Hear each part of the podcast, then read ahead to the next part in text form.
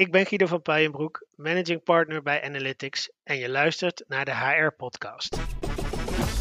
Dit is de HR-podcast van HR Academy en HR Praktijk over innovaties met impact op human resources management. Welkom bij aflevering 46 van de HR-podcast over innovaties met impact op HR. Ik ben Pieter Lieversen. En ik ben Wim Nijmeijer. Ja, diversiteit en inclusie krijgen in het maatschappelijk debat steeds meer aandacht. Organisaties vinden het belangrijker om ethisch en maatschappelijk bewust te handelen. En er komt ook steeds meer onderzoek beschikbaar dat de voordelen laat zien van diversiteit en inclusie voor organisaties. En uit die onderzoeken blijkt dat meer diverse medewerkers die voelen dat ze erbij horen, hun bedrijf hoger waarderen, meer betrokken zijn en een positieve invloed hebben op de resultaten van de organisatie. Dus er is maatschappelijk, collectief en individueel winst te halen met een meer divers medewerkersbestand met mensen die zich onderling verbonden voelen. Maar de hamvraag is dan, hoe breng je dat in de praktijk? En vooral, hoe meet je hoe divers en inclusief je organisatie is? Nou, en om die vragen te beantwoorden is vandaag Guido van Puijenbroek de gast. En Guido is medeoprichter en directeur van Analytics. En dat is een consultancybureau uit Amsterdam. Dat organisaties helpt om beter te kunnen beslissen door gebruik te maken van data. En jullie weten veel van HR en van data. Welkom in de HR-podcast, Guido. Ja, hartelijk dank, Pieter. Leuk om hier weer te zijn. Ja, inderdaad, leuk om weer er te zijn, want je was ook de gast in de eerste aflevering van de HR-podcast. Toen heb je ons bijgepraat over algoritmes voor verzuimbeheersing. En leuk dat je nu twee jaar, 46 afleveringen en bijna 40.000 luisteraars later opnieuw weer bij ons bent. Heel leuk. Ja, zeker. Twee jaar alweer. Dat uh, gaat snel. Ja, en we hebben je dit keer uitgenodigd omdat je een mediabedrijf helpt om inzicht te krijgen in hoe het bij hen op de werkvloer gesteld is met de diversiteit en inclusie.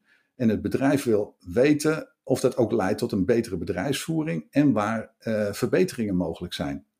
Nou, je mag de naam van de organisatie niet noemen, maar je kan wel alles vertellen over de aard van de opdracht, omdat die vraagstelling ook bij andere organisaties speelt. Nou, en daar gaan we vandaag met je over praten. Ja, hartstikke leuk. Guido, om te beginnen, inclusiviteit, diversiteit, dat zijn uh, op dit moment zijn dat echt wat topics in HR-land. Wat versta jij of misschien jouw uh, opdrachtgever onder diversiteit en inclusiviteit? Ja, goede vraag.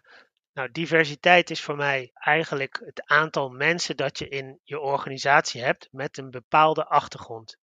Um, en ik gebruik hier bewust het woord bepaald, want dat kan van alles en nog wat zijn. Dat kan uh, in de media gaat het heel vaak over geslacht, uh, maar dat kan ook culturele achtergrond zijn. En dat zijn meer de zichtbare aspecten van diversiteit.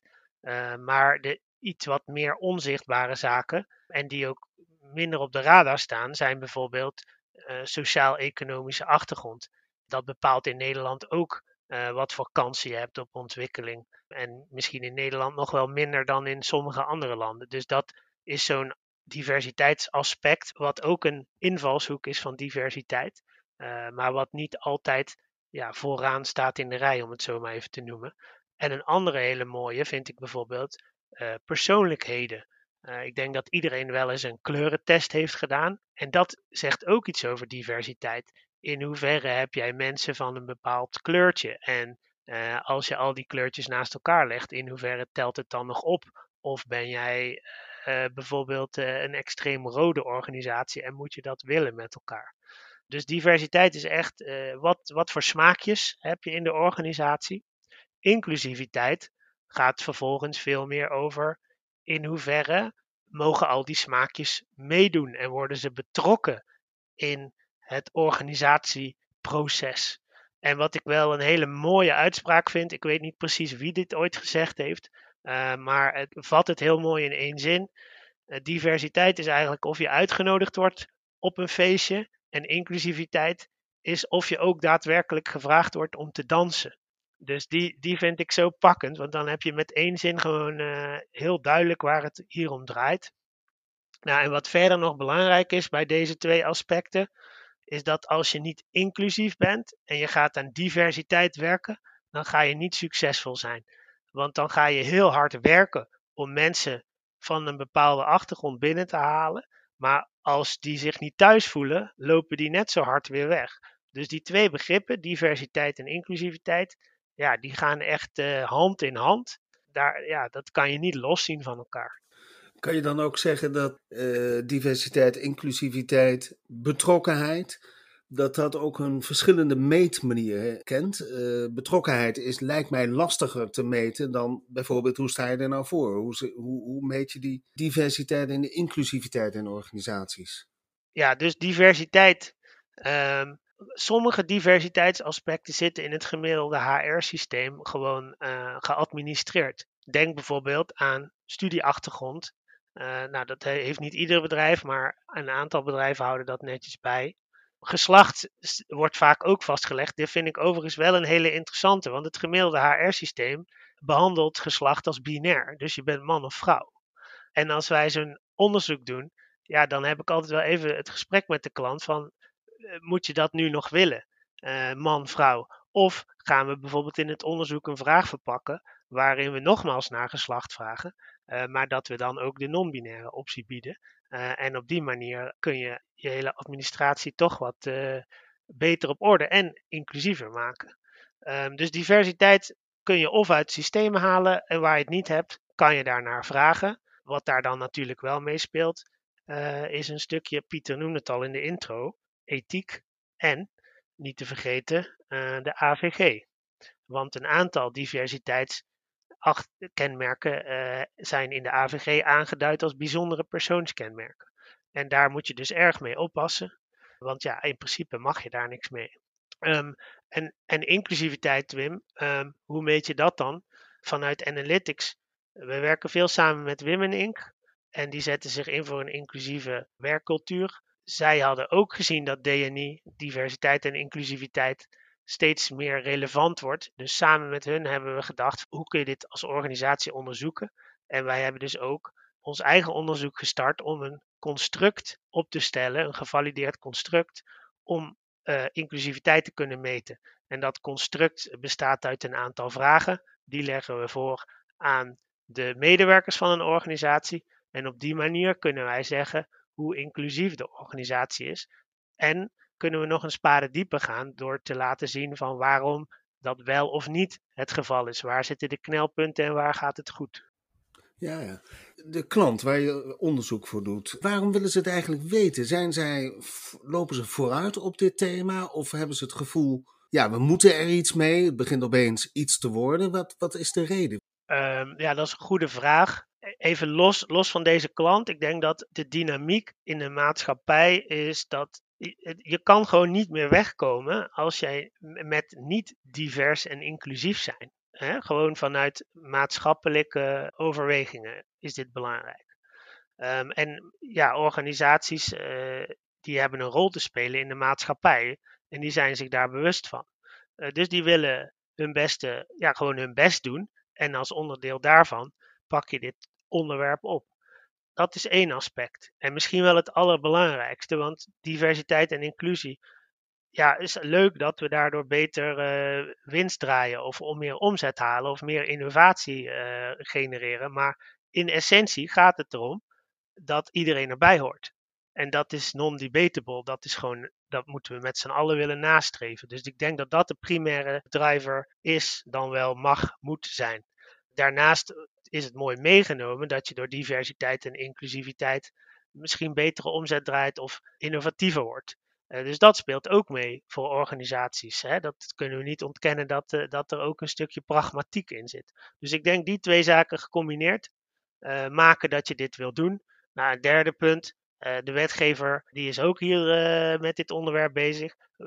ja, er komt ook striktere wetgeving aan. Dus ook vanuit compliance perspectief kan het denk ik nooit kwaad om hier alvast mee aan de slag te gaan. Want dan ben je klaar op het moment dat je er klaar voor moet zijn.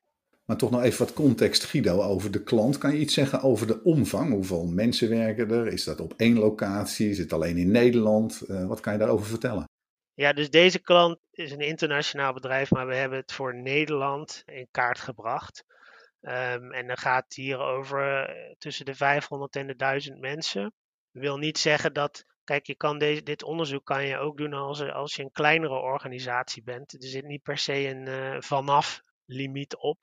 En ik heb vorige week ook contact gehad met een wereldwijd opererend energiebedrijf. Daar kun je ook zo'n survey uitzetten.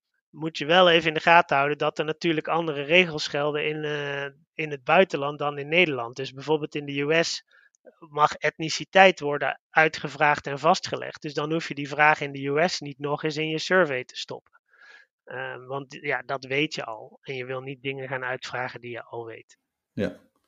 En over deze organisatie, waarom was er behoefte aan dit onderzoek? Is dit een soort nulmeting voor ze? Of waren ze al gevorderd? Is er al beleid ontwikkeld, zelfs al in uitvoering gebracht en wilden ze weten waar ze op dat moment staan of stonden? Ja, een beetje van, van beide. En, en dat zie ik dus niet alleen bij deze organisatie, maar eigenlijk breed. De meeste organisaties die, die doen al wat op diversiteit en inclusiviteit. Die zijn gewoon begonnen. En dat zijn allemaal eh, allerlei initiatieven. Hè. Dat kan zijn van een bias training tot het oprichten van een eh, LHBTI-vereniging of een jongerenvereniging. Uh, dus er vaak gebeurt er al het een en ander. Tegelijkertijd wil je als organisatie ook weten: maken we nu het verschil met al deze initiatieven? Are we moving the needle? Die vraag blijft nog veelal onbeantwoord. En deze organisatie heeft de stap gezet om een nulmeting te starten. Uh, want zij wilden weten, uh, gewoon feitelijk weten, hoe divers zijn we, maar ook hoe inclusief zijn wij als organisatie. Om vervolgens die activiteiten die al plaatsvinden, is te gaan beoordelen van gaan we daarmee door? Moeten we misschien zaken ernaast gaan zetten? Maar ook heel belangrijk, waar gaan we dan op inzetten? Want uiteindelijk wil je wel dat alle tijd en, en middelen die daarin gaan zitten, dat je daar effect mee sorteert. En daar helpt dit onderzoek bij om uh, een goede nulmeting te doen, baseline te vormen. Dan kan je beleid gaan maken, acties uitzetten. Nou, en deze organisatie die gaat in het najaar de één-meting doen. Dus dan ben ik heel benieuwd. Als het goed is, uh, gaan we dan uh, verbetering zien in, in een aantal indicatoren. Ja. ja, je raakt het net ook al even, Guido. Wetgeving, dat is, en, en privacy in het bijzonder natuurlijk, dat is een grote beperking bij de meetbaarheid. Maar hoe kan je dan toch zinvolle data krijgen? Je hebt al uh, iets genoemd over een survey, maar hoe heb je dat nou eigenlijk aangepakt? Ja, dus daar hebben we best wel veel tijd in gestoken, want dat was echt een heel lastig puzzeltje. Dus vanuit de AVG, eh, wat ik net al zei, zijn een aantal diversiteitsaspecten uh, ja, of limits. Denk aan etniciteit, culturele achtergrond, geaardheid. Dus toen zijn we gaan nadenken, hoe, hoe kunnen we toch deze vragen beantwoorden voor onze klanten zonder dat we buiten het speelveld van de AVG treden. En het zijn hele legitieme vragen, dus het is ook belangrijk dat, dat er een oplossing geboden wordt. En je hebt natuurlijk de dienst van, de, van het CBS, die kunnen je ook inzicht geven in hoe divers je bent. Um, alleen die geven je dan weer geen inzicht in hoe inclusief je bent. Uh, dus die route die bestaat. Sommige organisaties zeggen van ja, je kan aan de medewerkers vragen om vrijwillig mee te doen. Eh, bij Analytics zijn we minder gecharmeerd van die route, omdat er altijd er is een, een hiërarchische relatie tussen werkgever en werknemer. Werknemers zijn in zekere zin toch ja, afhankelijk van de werkgever. Uh, dus dan kan je erover argumenteren van hey, hoe, hoe vrijwillig is dit nu? Hè? Dus die route hebben wij gezegd dat, dat willen we niet. Te meer omdat dit zo'n beladen onderwerp is. Als dit een minder beladen onderwerp was, dan had je misschien nog kunnen zeggen van oké, we nemen het risico. Maar voor dit onderwerp vonden we dat niet chic. Dus wat we nu doen, uh, we werken met de klant samen om te bepalen welke diversiteitsaspecten wil je gaan meten. En ook welke achtergrondkenmerken uh, vind je nog interessant. Bijvoorbeeld hoe lang werken mensen bij de organisatie of uh, in welke generatie vallen ze. Nou, vervolgens maken we een template, een, een, een wat de klant in moet vullen. En daarbij leveren we instructies aan, want dat moet de klant dus zo in gaan vullen dat we eigenlijk over anonieme data kunnen gaan spreken. Dus dat betekent dat je niet geboortedatum door gaat geven, maar dat je mensen bijvoorbeeld in een leeftijdscategorie plot. En dat je niet salaris door gaat geven, maar dat je een salarisband door gaat geven. Uh, dus zo aggregeren, anonimiseren we die data. Nou, dan zal de oplettende data privacy officier of functionaris van de persoonsgegevens in goed Nederlands zeggen van ja, maar Guido, dan is het nog steeds niet waterdicht. En dat klopt. En daardoor hebben we nog een ingenieus iets in het proces ingebouwd. Dat zal ik nu niet helemaal uit de doeken gaan doen, want dan wordt het heel technisch. Maar de organisatie paast ons de data En ze krijgen van ons een aantal codes terug waarmee ze het onderzoek uit kunnen zetten. En op die manier weten wij nooit en te nimmer wie wat heeft ingevuld. En ook niet als ik of onze medewerkers gaan zitten googlen en dan heel erg ons best gaan doen. Wij kunnen gewoon nooit achterhalen wie wat heeft ingevuld. Daardoor mogen we die data anoniem noemen. En daardoor is eigenlijk de AVG niet meer van toepassing, want anonieme gegevens zijn geen persoonsgegevens en dan staat de AVG buitenspel. Dus op die manier maken we het voor klanten mogelijk om goed in kaart te brengen hoe divers zijn we, hoe inclusief zijn we, zonder dat we de AVG overtreden. En hoe communiceer je dat met de medewerkers? Want uh, ja, die moeten natuurlijk ook wel weten dat het waterdicht is. Ja, precies. Ja, dat is echt super belangrijk. En de, de, de klant heeft daar ook echt veel effort in gestoken. Uh, dus volgens mij is zelfs vanuit de CEO communicatie uitgegaan. Waarom doen we dit? Dus heel goed het waarom uitgelegd, maar ook heel goed uitgelegd hoe dus de, de privacy is geborgd. En ook gezegd van uh, het is een anoniem onderzoek, maar als je niet mee wilt doen, dan, dan doe je niet mee. Dus anoniem en vrijwillig. Um, dus we hebben daar ja, best wel goed uh, naar gekeken. En ik moet ook echt de klant complimenten geven hoe ze dat hebben aangepakt. Communicatie was daar ook heel nauw bij betrokken. Uh, dus dat was een mooi teamspel. En dit punt is denk ik super belangrijk. Want vertrouwen komt te voet, gaat te paard. Dus daar moet je echt heel grondig in zijn. Plus, je wil dat zo'n zo'n onderzoek, dat mensen daar ook echt aan mee gaan doen. Dus als je aan de voorkant goed communiceert, zie je ook dat de response rates gewoon uitstekend zijn. Het is gewoon echt gewoon goed. Ja, als je een goede respons hebt, heb je ook weer mooiere, diepere inzichten. Guido, je hebt dus een, een manier gevonden om anonieme data, anoniem onderzoek, te combineren met data uit HR-systemen. En wat onderzoek je dan als je dat combineert? Ja, dus uit het HR-systeem halen we eigenlijk alleen de diversiteitsaspecten die reeds in het HR-systeem zijn vastgelegd. Alle andere diversiteitsaspecten die een organisatie nog wil weten, die worden dus uitgevraagd. Dat noemen wij achtergrondvragen en daar begint die survey mee. Zodat we een rond profiel van iemand op kunnen bouwen. De data die je anoniem hebt verzameld, komt dus niet in het HR-systeem. Nee, nee, nee. Dus daar maken we ook echt afspraken over met de klant dat wij nooit en te nimmer die data aan de klant gaan geven. Kijk, dus die data is en zijn van de klant. Tegelijkertijd spreken we af dat ondanks dat die data van de klant zijn, wij dat nooit aan hun gaan doorgeven. Want dan treed je weer de AVG. Plus dan ga je die vertrouwensbelofte die je richting de medewerkers doet, schend je dan. En daar willen wij als bedrijf natuurlijk ook niet graag aan meewerken. Dus dat blijft wel echt gescheiden. Tegelijkertijd doen wij verder niks met die data. Hè? Dus, dus wij gaan het niet doorverkopen of uh, aggregeren of andere dingen. Dus dat blijft gewoon veilig bij ons in, in Nederland. Dus ook niet in Amerika of elders. Ja, dus daar gaan we heel secuur mee om. Wat is het percentage van de medewerkers die hebben meegedaan?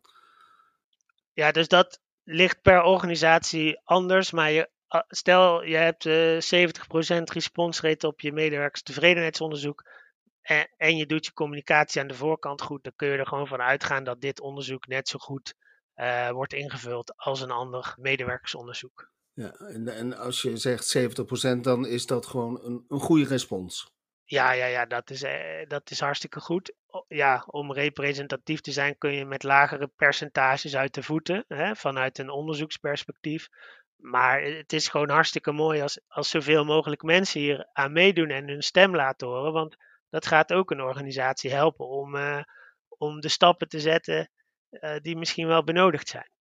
Ja, want het zou ook kunnen betekenen dat, dat een hoge respons ook een zekere mate van ontevredenheid kan uitdrukken. En dat je daarmee al een eerste actie in, gang kan zetten. Ja, dus daar haal je een mooi punt aan, Wim. Want in, de, in het onderzoek beginnen we ook. Hè, we, beginnen met die achtergrondvariabelen, zodat we een, mooi rond profiel opbouwen van de respondent. Um, maar de vervolgstap is dat we vragen stellen over ja, wat ik zelf vaak de voedingsbodem noem. Als mensen sceptisch zijn over diversiteit en inclusiviteit, dan kun je als organisatie van alles willen, maar dan gaat die training die je gaat bieden, of die workshop, of whatever je gaat doen, dat gaat nul impact maken. Want de veranderbereidheid is er dan niet. Uh, dus dat brengen we bijvoorbeeld ook in kaart. In hoeverre ziet men nut en noodzaak van diversiteit en inclusiviteit in?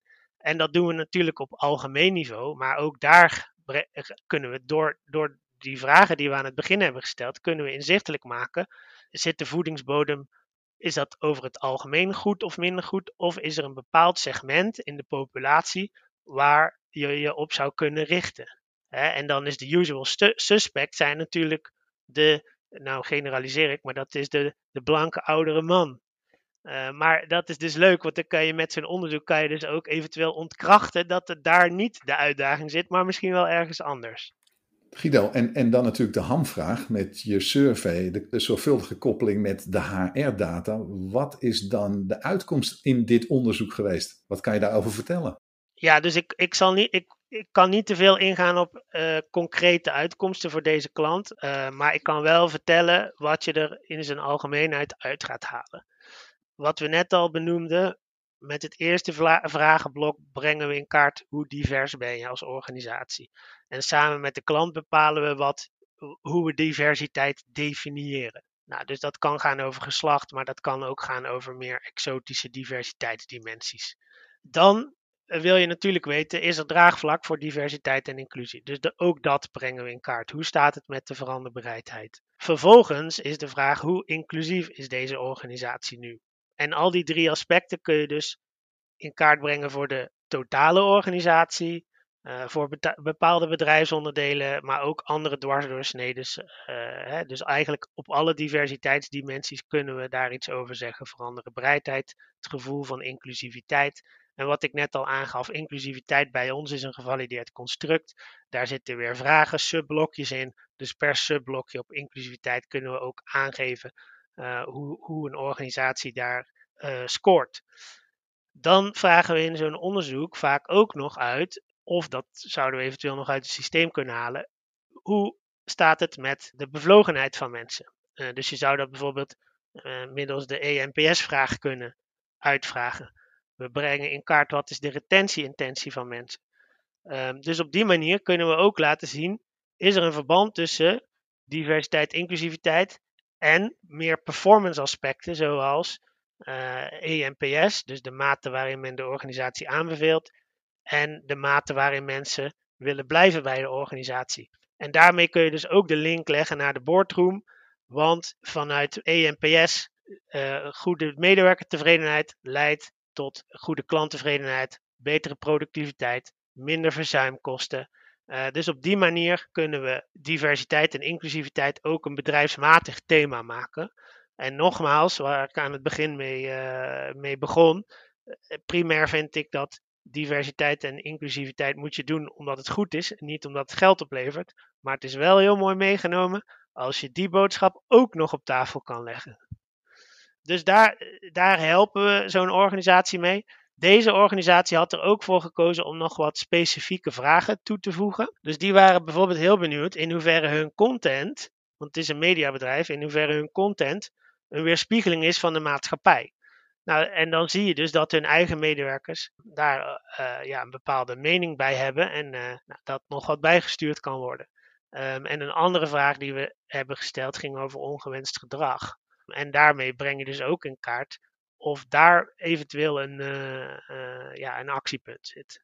Ja, maar goed, de, de meetuitkomsten krijgen natuurlijk ook kleur als je ze in een context kan plaatsen. Hoe zit dat eigenlijk met de benchmarking in dit onderzoek? Uh, is het dan dat je vergelijkt met andere organisaties of misschien vergelijkt met gewenste uitkomsten die van tevoren bepaald worden door, door het bedrijf? Ja, uh, goede vraag. Dus ja, die zagen we ook wel een beetje aankomen. Dus toen we dat onderzoek hebben, om die, uh, hebben uitgevoerd om die vragenlijst uh, te valideren, dat hebben we gedaan op het, het arbeidsmarktpanel van Analytics. Daar zit, zitten een aantal duizenden werkende Nederlanders in. Die hebben we dus die vragenlijst voorgelegd. En daardoor hebben we ook een goede benchmark kunnen ontwikkelen op de constructen in totaal en de vragen individueel. En daar kunnen we dus de organisatie tegen afzetten. Daarnaast biedt het dashboard wat de klant krijgt ook mogelijkheden om intern te benchmarken. Dus Business Unit 1 kan zich vergelijken met Business Unit 2, 3 en 4. Um, dus op die manier kun je een gevoel krijgen bij uh, als manager, als, als uh, leidinggevende, waar, waar sta ik met mijn club. Um, nou, en daarnaast kijken we nog naar wat CBS-getallen. Die zijn gewoon voor iedereen uh, vrij ophaalbaar. maar als we een managementrapport maken voor een klant, dan nemen we dat ook mee. zodat je inderdaad ja, een beetje gevoel krijgt bij is dit nu goed of, of, of minder goed. Daarbij gezegd hebbend vind ik het wel altijd belangrijk. Een benchmark is maar een benchmark blijf ook zelf nadenken van wat vinden we zelf goed. Want dat, iedereen een zesje scoort, betekent niet dat dat goed is. dus ik zie wel eens in de krant van ja, de meest diverse inclusieve bedrijven in Nederland. Maar uh, ja, als ik zo vrij mag zijn, vraag ik me wel af hoe dat uh, allemaal berekend en bepaald wordt. Nou, je hebt net nog even aangegeven dat in het najaar gaat de één meting plaatsvinden. Dus dit betrof de nulmeting. Is die één meting dan op dezelfde leest geschoeid als de nulmeting? Mm, ja, dat moeten we nog bepalen, maar ik vermoed eigenlijk van niet, want je hoeft niet telkens alles uit te vragen. Uh, als dingen goed gaan, dan hoef je ze niet te herhalen. Dus wij geloven er wel in dat je compacte surveys uitzet om survey fatigue te voorkomen. En dus wil je eigenlijk in je survey vooral ingaan op de zaken waar je verbetering wil, waar je actie op hebt gezet. Uh, dus ik denk dat we misschien de survey wat compacter gaan doen. Wat je er tegenover zou kunnen stellen is dat eens per jaar meten niet heel veel is. En dan zou je misschien de hele vragenlijst toch willen stellen om te kijken of dingen die goed zijn, goed gingen, niet verslechterd zijn. Die dialoog moeten we nog met de klant gaan voeren, hoe we dat precies insteken. Guido, uh, er zijn veel organisaties die zijn nu bezig met uh, diversiteit, inclusiviteit. Staat inmiddels hoog op de HR-agenda. Onze collega, HR-collega's willen ermee aan de slag gaan. Welke meetbaarheidstips wil jij onze collega's meegeven? Ja, de, ja, diversiteit, inclusiviteit staat inderdaad hoog op de agenda. En ik ben blij dat het er nog steeds hoog op staat. Want ik had even de angst dat door de coronapandemie het misschien naar de achtergrond uh, verdrongen zou worden. Dus het is denk ik wel een onderwerp dat we inmiddels uh, kunnen concluderen dat blijft. Nou, hoe ga je dan dat meten? Wat ik denk dat belangrijk is, eh, don't try to boil the ocean. Er zijn heel veel diversiteitsdimensies die je kan meten. Maar als organisatie is het denk ik belangrijk om er een aantal uit te halen en daar impact te gaan maken. En als je dat gerealiseerd hebt, dan kan je de bakens weer verzetten. Nou, soms heb je al goede aanknopingspunten vanuit de organisatie, gewoon vanuit kwalitatief onderzoek of wat je hoort en ziet. Soms kan een nulmeting helpen, dat, dan zet je de nulmeting wat breder uit. Dus dan, dan ga je op al die diversiteitsaspecten in. Uh, maar als je zegt van nou dit zijn de drie topics voor ons, dan zou ik zeggen richt je vooral op die drie topics. Zorg dat je daar de juiste impact uh, maakt. En ga dan uh, verder naar andere onderwerpen. En ja, nogmaals, don't try to boil the ocean, want dan kom je er waarschijnlijk niet meer uit. Nou, dat, dat is een mooie afsluiting, uh, Guido. Don't boil the ocean. Uh, nou, bedankt voor deze hele bijzondere tip. En ook uh, bedankt voor jouw inzicht in het meten van diversiteit en inclusie. En leuk dat je weer te gast was bij ons in de HR-podcast om inzicht te geven in het gebruik van data. Ja, super bedankt om het te, te mogen toelichten. Dankjewel. Ja, en we zijn bijna aan het eind van uh, weer een aflevering van de HR-podcast over innovaties met impact op HR. En ik zeg bijna, want ik wil je nog vragen of je wilt reageren op deze aflevering. Of misschien heb je suggesties voor gasten voor een volgende aflevering. Laat het ons en andere HR-professionals weten. Schrijf daarvoor een recensie op Apple Podcast of stuur een mail naar redactie.hrpodcast.nl. Bedankt voor het luisteren en tot de volgende HR-podcast.